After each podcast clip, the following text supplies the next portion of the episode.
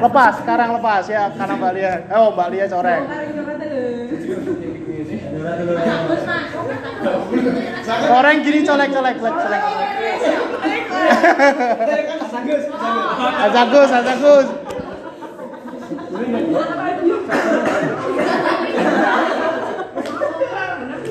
Ayo, sekarang boleh dilepas, sekarang boleh dilepas. Ya. Mbak Lia tadi malah nggak pegang kuping, tapi mau pegang hidung temennya gini. Ya Allah. Siap, siap, siap, siap, siap, siap ya. Siap, siap teman-teman ya. Kita baru beberapa slide ya. Ya, baru berapa menit ya. Tapi teman-teman ada yang masih nggak fokus, belum makan Mbak Lia. Tawan ya, belum makan.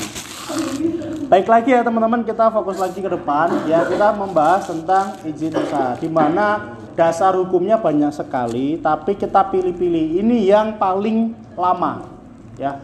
Di paling lama ini ada bab atau pasalnya, pasal 6, pasal pasal 6 bab 4 di mana klasifikasi eh, UMKM ya atau pelaku usaha atau dampingan kita atau kita sebut anggota itu berdasarkan omset atau asetnya. Kalau sudah ngomong aset sama omset, kita berarti berbicara tentang usaha, pelaku usaha. Nah, rata-rata kalau kita berbicara dengan UMKM, teman-teman staf pelapak itu masih bingung. Pak UMKM itu apa? Ada yang tahu tentang UMKM? Apa? Koperasi. Itu singkatannya kepanjangannya. Kalau kepanjangan usaha mikro, kecil, dan menengah. Pernah dengar UMI nggak? UMI. Kepanjangan UMI apa? Oh, umi adil. UMI. Usaha mikro. Ya, atau baru dengerin UMI. UMI. Usaha mikro. Nah, UMI itu kalau diklasifikasi eh, UMKM itu di antara atau sebelum mikro, ya. Ultra mikro, UMI, ultra mikro. Kalau tadi kan mikro, kecil dan menengah. Ya, teman-teman pahami dulu. Usaha mikro, kecil dan menengah. Itu skala atau kelas-kelasnya kalau kita berbicara tentang UMKM. Nah, kalau UMI ini karena ultra dia posisinya di depan. Ya. Itu berdasarkan apa, Pak? Berdasarkan aset dan omsetnya. Dilihat waktu teman-teman UK. Bu, rumahnya gedung ya, Bu. Nah, berarti kan rumahnya besar, asetnya kita anggap gede ya. Bu, nggak punya WC ya, rumahnya masih belum eh, keramik ya. Asetnya kecil ya. Bu, omsetnya atau pendapatan usaha satu hari berapa? Pasti teman-teman tanya nggak? Tanya kan waktu UK. Waktu tanya seperti itu, teman-teman itu baru mengklasifikasikan, mengkelompokkan. Oh, ini ibu ini masuk kategori mana? Ultra mikro, umi, atau mikro, atau kecil, atau malah besar. Saya tanya ke teman-teman. Sekarang yang teman-teman dampingi, yang masuk anggotanya teman-teman, kira-kira kebanyakan masuk di umi, mikro, atau kecil? Ada yang kecil, ada yang mikro, rata-rata. Umi. Berdasarkan apa, Mas? Mas Eko. Kenapa bilang Umi? Hah? Enggak tetap. Ya harus tahu kalau kenapa milih Umi, kenapa milih mikro, kenapa milih kecil.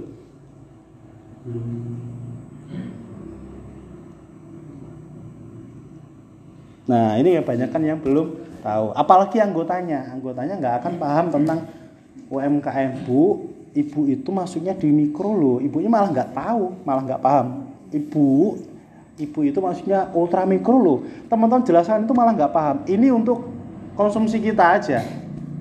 Ya, untuk kita bisa memahami siapa dampingan kita.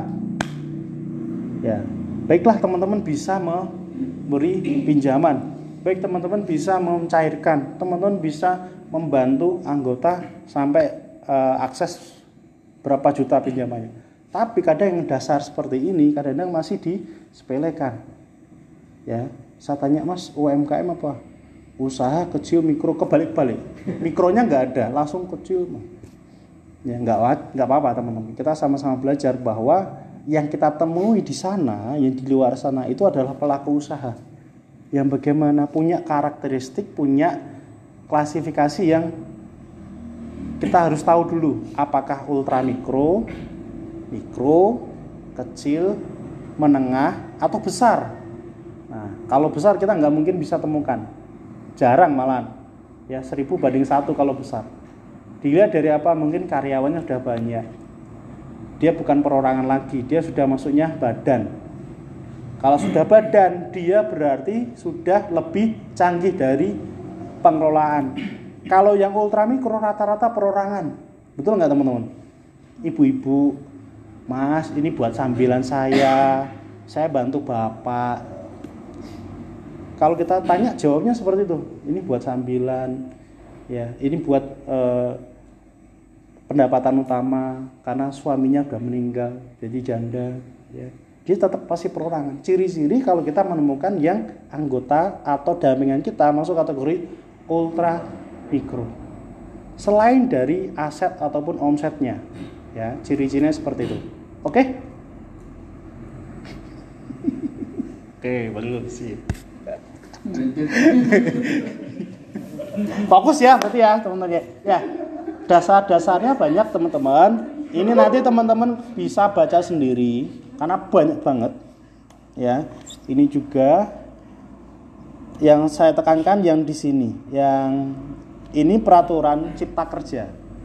Waktu teman-teman pernah dengar uh, waktu pemilu ya omnibus law pernah dengar ya seperti itu ya. Minimal pernah dengar lah saya tahu.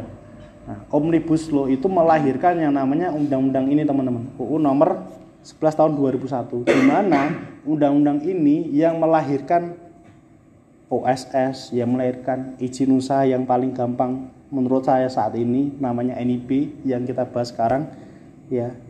Ini induknya ibaratnya itu. Kalau induknya nggak terbit seperti ini, mungkin sekarang nggak bisa kita membahas tentang NIP. Masih aturan yang lama pernah dengar SIUP surat izin untuk pengusaha siup ya itu eh, mempersusah kita kalau kita eh, mau bikin usaha ya nah sekarang kita dipermudah. Tapi tinggal kita mau nggak cari tahu untuk eh, membuatan izin usaha itu seperti apa. Dan rata-rata yang saya temui di luar sana anggota kita itu sangat minim ataupun nggak paham teman-teman. Sekali lagi ya nggak paham. Otomatis perlu peran teman-teman selain teman-teman mendampingi berkaitan dengan keuangan. Ya. Nah ini teman-teman juga harus tahu dasarnya dulu. Ya kalau ini PP tentang UMKM nah Pak UMKM itu siapa? UMKM sekali lagi adalah anggota kita dampingan kita, nasabah kita, ibu-ibu yang kita temui setiap hari. Ya. Kalau pengen dalam lagi, tolong galilah, tanya sama ibu-ibu itu, bener nggak? Asetnya berapa, omsetnya berapa, ibu usahanya apakah sudah bisa mengelola keuangan sendiri, apakah manajemen eh, apa sumber daya alamnya, eh, sumber daya manusianya sudah bagus, ya rata-rata masih sembarangan. Ya. Kenapa saya bilang sembarangan?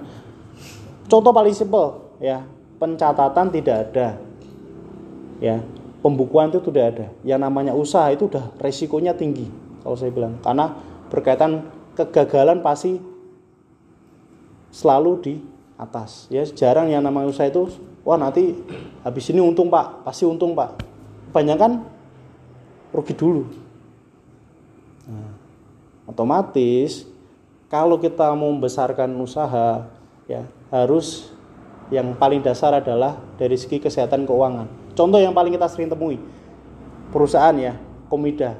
Kalau tidak ada admin, ya nggak ada yang mencatat uang, nggak ada yang mencatat pengeluaran, nggak ada yang tahu uangnya ini lari ke mana.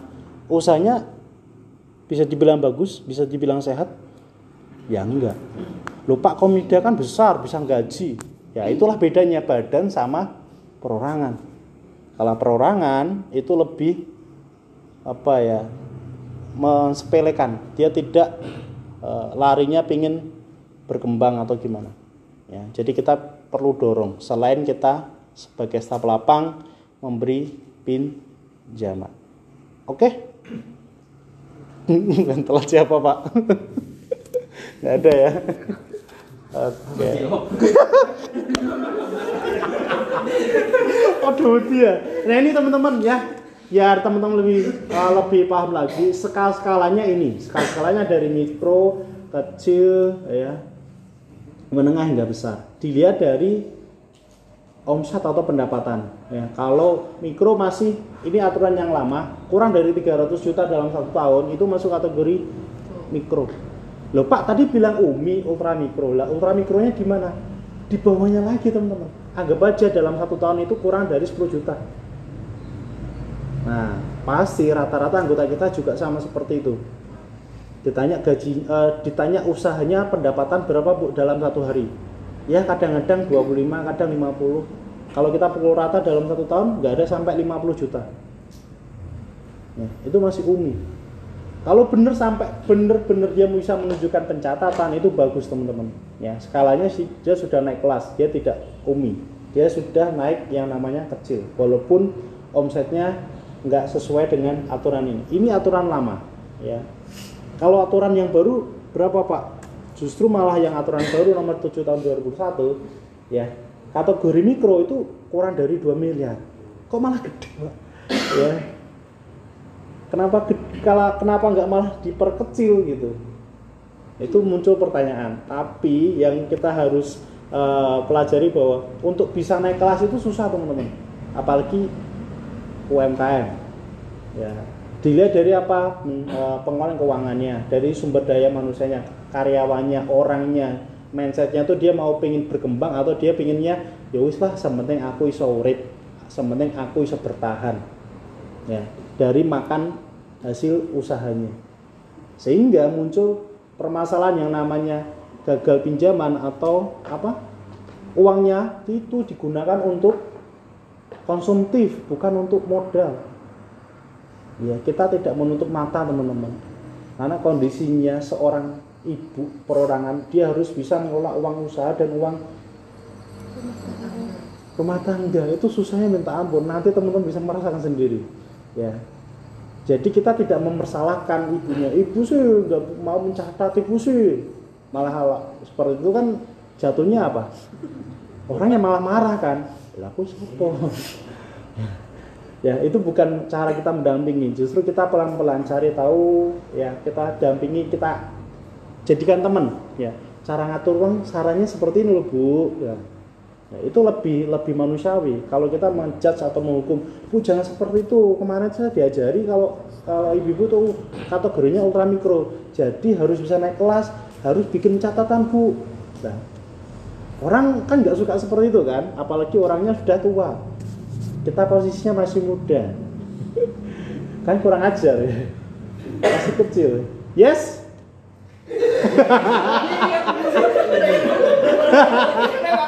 Oke, sudah, terima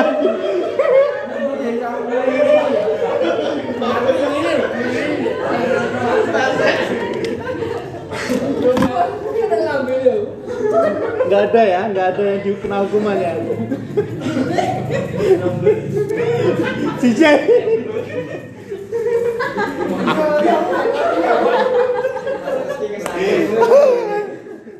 ya fokus lagi teman-teman ya. Kita masih membahas tentang uh, UMKM ya. UMKM apa teman-teman? Kepanjangannya? Oke. kalau ultra mikro disingkat apa? Umi Umi ya. Kalau menurut undang-undang nomor 20 tahun 2008 mikro itu omsetnya berapa? Kategorinya per tahun ya bukan per bulan ya. Kalau PP ini dua kurang dari 2 miliar. Terus pak kalau izin-izin zaman dulu itu apa aja?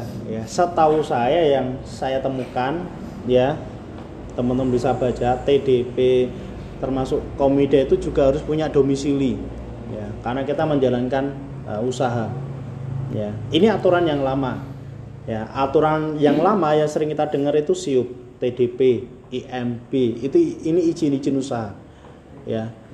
Nah kalau anggota kita masih skalanya kecil, apakah mau mengurus ini semua teman-teman? selalu beralasan nggak ada tempat eh nggak ada uang nggak ada waktu dan sebagainya. Beralasan terus. Sehingga pemerintah itu mengubah. Jangan dibikin rumit lah. Dibikin gampang. Ya dibikin gampang. Dasar hukumnya sudah ada ya sekarang pakainya NIB nomor induk berusaha ya. NIB nomor induk berusaha di sebelahnya itu sudah ada bukti e, kalau wujudnya seperti yang tadi pagi ya. Bu Sulika juga punya ya. Artinya penasaran. Pak Abdul ngomong ke NIB akhirnya bikin teman-teman ya. Akhirnya bikin penasaran bikin bikin NIB itu gampang atau susah sih Bu Sulika? Gampang. gampang banget saya yakin teman-teman yang milenial itu bisa banget. Mau dicoba dipraktekkan di uh, ibunya masing-masing atau mungkin bapak atau keluarga yang punya usaha ya teman-teman praktek aja. Ya saudara punya punya usaha tanya aja udah punya izin usaha belum? Tak buat ke ya. Coba ya. Nah teman-teman merasakan sendiri bagaimana sih membuat NIB itu susah atau e, gampang. Ya kalau saya bilang gampang ya gampang ya, tergantung niatan kita ya. Loh, eh, Pak Bro enak, ini kan pekerjaan. Ya, ini pas kebetulan aja teman-teman. Pas kebetulan kita ada program seperti ini untuk me, apa ya, mendorong ibu-ibunya ya satu untuk naik kelas. Yang tadi ultra mikro naik ke mikro itu butuh yang namanya sesuatu teman-teman. Sesuatu untuk menarik. Kalau sudah punya ini ya itu ada kebanggaan, seneng gitu. Tadi saya kunjungan ke Bu anggota Mas Ya. Abdul itu, saya kan nyantar, tak tanya, Bu kok kemarin di status, iya Mas, itu malah banyak yang tanya caranya gimana, pingin punya itu tuh penasaran pingin punya, lah ibunya cuma ketawa-ketawa aja eh, jawabnya. Jadi yang yang status ibunya itu dikomeni sama teman-temannya, itu aja pingin memiliki, ya. Berarti ini ada peluang teman-teman. Peluang untuk bisa kita mendampingi anggota-anggota kita dari segi apa kewirausahaan, dari segi izin usaha. Ya, sederhana dan saya yakin teman-teman mampu. Tinggal mau ataupun niatnya bagaimana. Ya, kalau sudah niat, insya Allah ada jalannya. Tapi kalau masih gerambiang, masih bingung, wah saya nggak mau bantulah, ya udah ini aja, udah enak gitu ya. Itu boleh ya tapi kalau teman-teman ada tergerak niat untuk bisa membantu anggota lebih baik lagi saya yakin dampaknya juga beda. Efeknya akan beda. Orang yang didampingi uh, dan memiliki ini dengan orang yang mungkin biasa-biasa kita dampingi hasilnya pasti beda. Saya yakin pasti beda karena itu personal. Ya bukan ke kelompok. Nah tampilannya seperti ini teman. Ya tadi kalau di pertanyaan muncul OSS itu apa? Eh, singkatannya one single submission. Oh bukan one. Online single submission di mana kita membuat ya izin itu dalam satu portal ini aja. Mau bikin usaha jenis apa? Pak saya izinnya eh, rosok. Ya ada ya. Pak saya izin usahanya buat salon kecantikan. Ada. Usaha saya itu pak warung kelontong. Ada. Ya mungkin yang belum pernah saya membantu itu pertanian pak. Bingung pertanian itu kan rata-rata anggota itu buruh. Belum ada yang berani pertanian benar-benar dia seorang eh, juragan memiliki NIB masih bingung saya kalau yang berkaitan dengan pertanian. Peternakan kemarin juga ada di Bantul itu beb, eh, kambing etawa. Ya. Terkendalanya tidak terbit karena sinyal waktu kita komunikasinya enggak bisa. Ya itu ada kendalanya. Ya teman-teman bisa cari di OSS eh, OSS ini di Play Store. Kalau mau diunduh aplikasinya. Tapi kalau mau langsung pakai web oss.go.id juga bisa.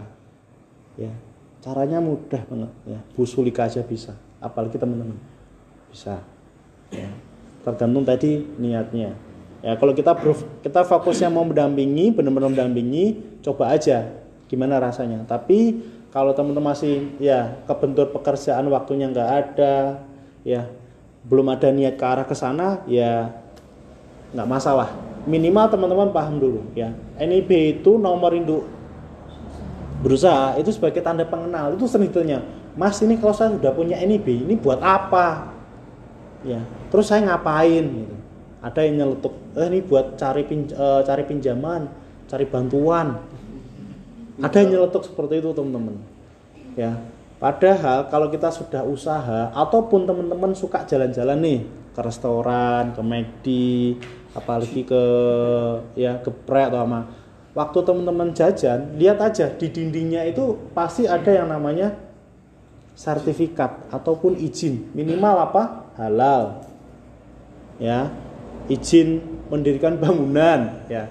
Itu dipapang teman-teman ditempel buat menunjukkan orang itu percaya kalau ini usahanya aman nih legal nih ya. Sehingga orang yang datang tuh percaya ya nggak? Nggak cuma lihat brandnya aja tapi yakin ini bener-bener usahanya bagus ya.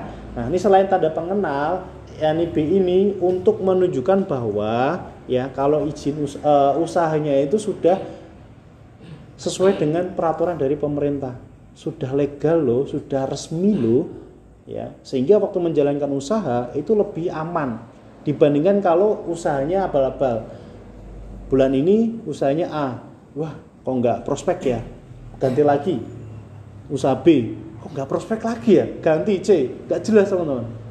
Ya.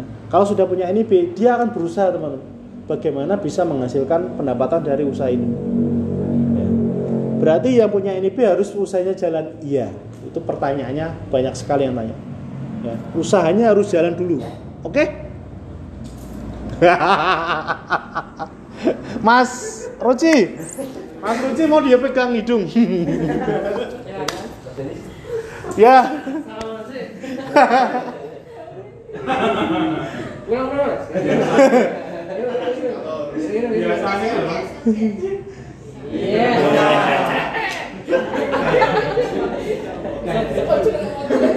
Di sini halus-halus ya, nggak apa malu-malu ya. Kemarin di Borobudur langsung buru gitu. Tahun tahun apa gitu. Mungkin punya dendam. Oh punya dendam ya. Semuanya.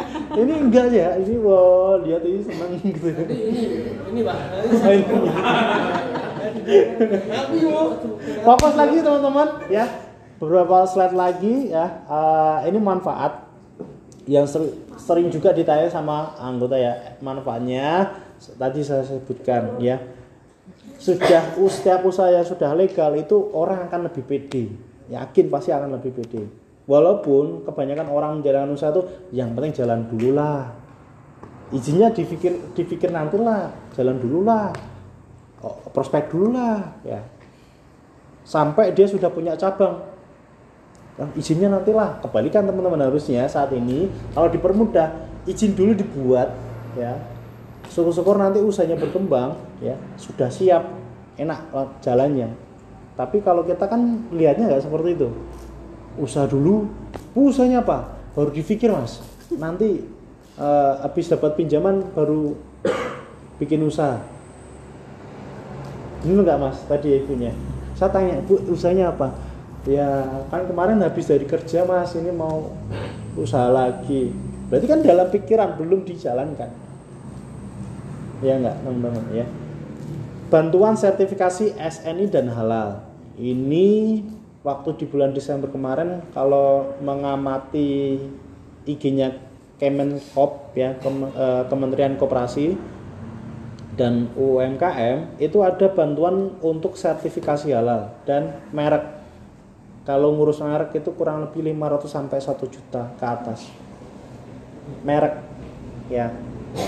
Merek itu ya ibaratnya eh, brand ya. Kalau teman-teman suka beli apa? Eh, kopi ya janji jiwa ya berarti janji jiwa dia sudah brandnya udah janji jiwa nggak bisa diganti janjimu gitu kan berarti udah ganti brand lagi ya. Kalau janji jiwa dipakai sama orang lain ketahuan dia pasti kena hukum. Denda ya. Nah jadi ini manfaatnya lebih enak karena sudah punya NIB kedua PIRT kalau olahan pangan. Pangan industri rumah tangga ya. Pak PIRT itu di mana posisinya? Waktu teman-teman beli jajanan cemilan kan ada kemasannya tuh. Di bawahnya ada nomor biasanya PIRT pangan industri rumah tangga. Nah kalau sudah ada PRT berarti aman untuk konsumsi ya.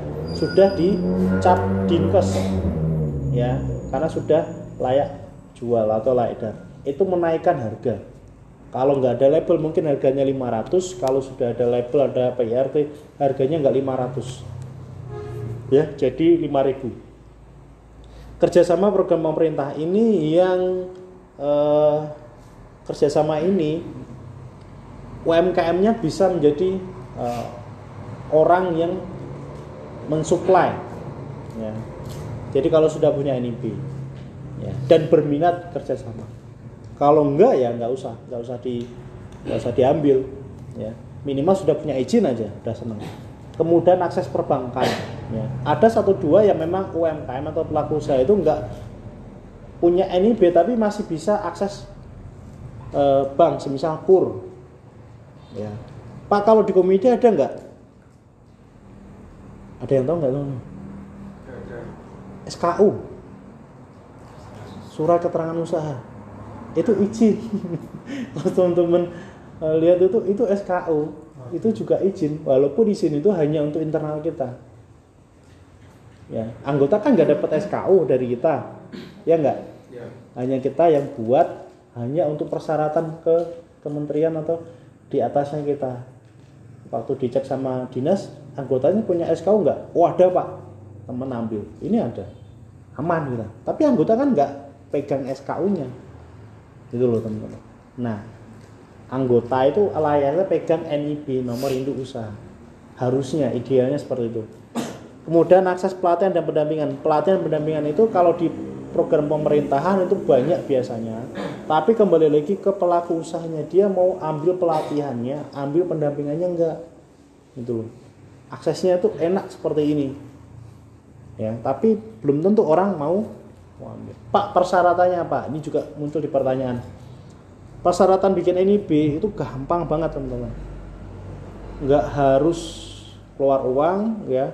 Nggak harus eh, repot sana sini ya harus kayak bikin SIUP itu biasanya harus keluar uang dulu teman-teman biaya ke dinasnya bensin ya.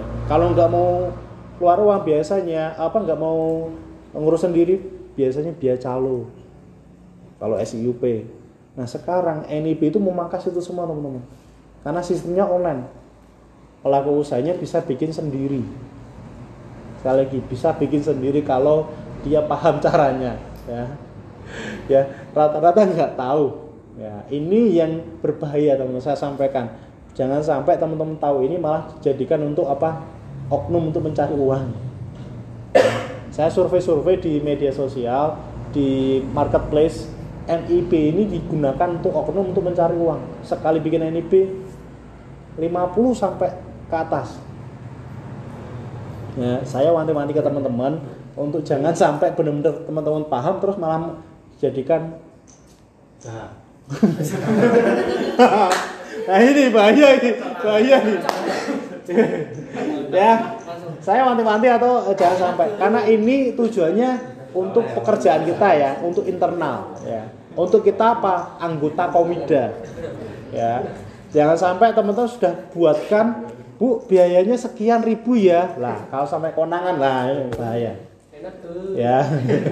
Bahaya. Ya karena ini gratis ya. Nggak ada. Tapi oknumnya ini yang kadang-kadang bermasalah ya. Ini saya wanti-wanti ke teman-teman. Saya selalu sampaikan jangan sampai. Kenapa saya sampaikan di sini ya teman-teman? Bener nggak sih Pak Bro ngomongnya teman cek aja sendiri. Di marketplace itu kalau teman-teman cek NIB muncul semua ya. Jadi ini digunakan untuk yang hal baik ya. Untuk mendorong anggota kita supaya nurut ke teman-teman Bu ayo Bu data nanti saya kasih informasi. Ya bagus lah Bu Ibu udah punya izin belum? Nah itu kan senjata juga kalau kita tahu caranya. Tapi kalau kita nggak tahu caranya ya senjatanya nggak akan dipakai. Ibaratnya teman-teman suka ngeking punya skin punya senjata punya apa ya muspro kabeh teman-teman. Karena nggak tahu caranya menggunakan. Ya akhirnya kalah gitu kan kalau dalam game nah ini cara eh, cara saya untuk menyampaikan ke teman-teman supaya persamaan persepsi programnya kita juga didukung bareng-bareng ya Bu Femi juga support ya Pak Bowo juga support, Pak Faris juga support karena ini bagus untuk ke depannya anggotanya. Kalau kita lihat segi positifnya, ya, karena mudah dan tidak ribet. Kendalanya ini apa sih Pak? Cuma apa satu sinyal, ya, sinyal. Nah ini bukti-bukti yang sudah kita eh, coba buatkan, ya.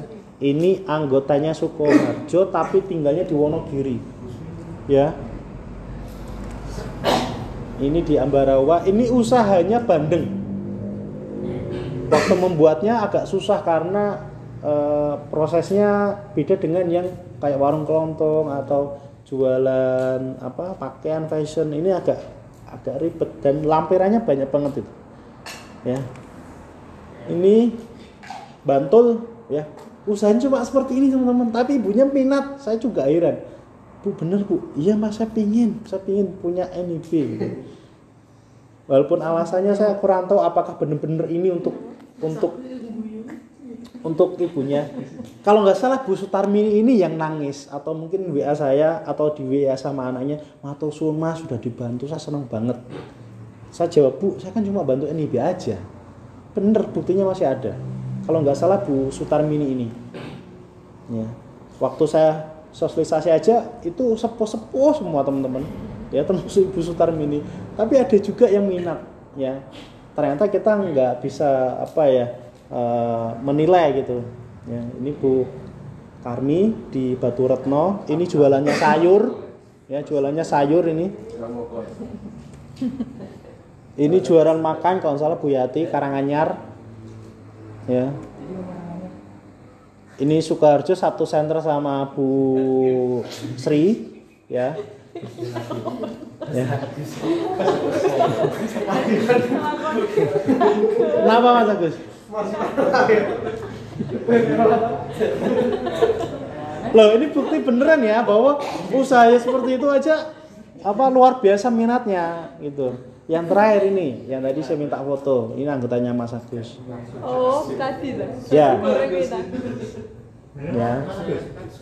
Ayam eh, bikatsu. Ya ternyata punya eh, saudara di Jogja. Namanya bukan bikatsu. Dikatsu kalau nggak salah. Ya karena satu saudara dapat eh, kayak biaya gratis franchise lah bahasanya itu. Ya ini teman-teman bukti bahwa ya beberapa foto aja karena memang dapatnya eh, nggak semua. Ya. Sekali lagi ini tujuannya untuk persepsi eh, sama teman-teman. Nggak ada eh, yang lain. Nggak ada pingin nanti harapannya Pak Prion wah pekerjaannya dipermudah atau pekerjaannya jadi enteng. Justru ini kembali ke teman-teman kalau ini senjata ayo digunakan. Tapi kalau enggak ya nggak usah. Ya nah ini. Wah Pak Prion buka jasa ini. Enggak. Saya jelaskan ini saya nggak buka jasa. Ya tapi saya menawarkan diri ke anggotanya Komida. Bu ini ada program ini. Silakan Bu mau dipakai apa enggak? Karena bikin NIP itu gratis. Ya saya cantumkan nomor saya juga supaya ibunya itu bisa komunikasi. Ya sampai detik ini baru terakhir Bu eh, Triana itu 24 anggota yang sudah terbit NIP-nya yang gagal atau sinyalnya nggak jelas itu masih banyak ya. Yang saya catat adalah yang terbit yang sampai diterima ya. Cuma 24 orang. Dari bulan November saya startnya bulan November. Ya sampai di sini ya harapannya teman-teman juga eh, memahami informasinya dan eh, syukur-syukur dipraktekkan untuk diri sendiri dulu biar enak. Kalau udah dipraktekkan diri sendiri itu lebih yakin waktu menyampaikan di anggotanya. Ya. Mungkin itu teman-teman yang bisa saya sampaikan. Kurang lebih mohon maaf ya kurang, eh, sudah hampir satu jam eh, penyampaian saya. Ya kalau ada yang mau tanya silahkan. Ada yang OSS di Play Store OSS. Nomornya Mas Eko. Ada lagi? Ada yang tanya lagi? Untuk untuk NIB itu harus untuk usahanya seperti kayak peternakan itu kayak telur puyuh itu biasanya maksudnya bisa apa enggak? Bisa, Bisa. bisa. Ke namanya KBLI. KBLI ya. Klasifikasi baku eh, lapangan kerja Indonesia. Lap, eh, istilahnya itu kalau di Komida itu kayak loan purpose. Ya, loan purpose-nya Komida kan paling mentok pertanian, peternakan, ya, kuliner, makanan, warung, obat-obat, eh, obat-obatan, ya kayak pasak jamu itu kan cuma-cuma itu aja teman-teman. Ya, jarang yang kita temukan anggota itu kontraktor, pertambangan, ya nggak ada, susah itu ya. Rata-rata itu ya kuliner, pertanian, peternakan, jasa, ya, ob- jual obat, ya, jamu, cuma-cuma itu aja kalau anggota. Ya. Kalau yang terakhir itu ada yang bikin eh, les les jasa les les di lingkungan ya. Sebenarnya minta ampun dipajang di rumah. Ya. Sampai seperti itu. Ada lagi? Sama kok. Ini enggak ada praktek. Hah? Ada Pak. Ada prakteknya? Mau dipraktekin? Jadi kalau misalnya nanti anggota saya biar langsung tak kasih nomornya. Ya. Tapi kalau mau privat tak ajarin bisa Mas Eko. Ya. oh itu ya wes wes. Eh aku nunggu Pak Dian. Bahaya nih. Bahaya bahaya.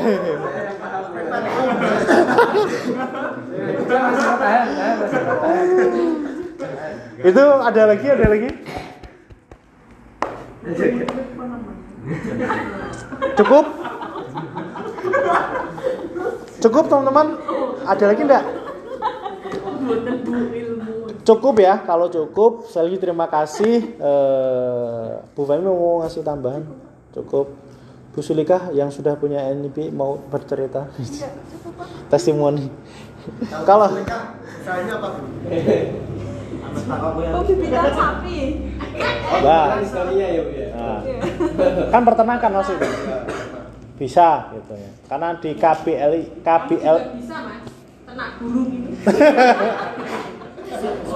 bisa bisa ya. ya. Burungnya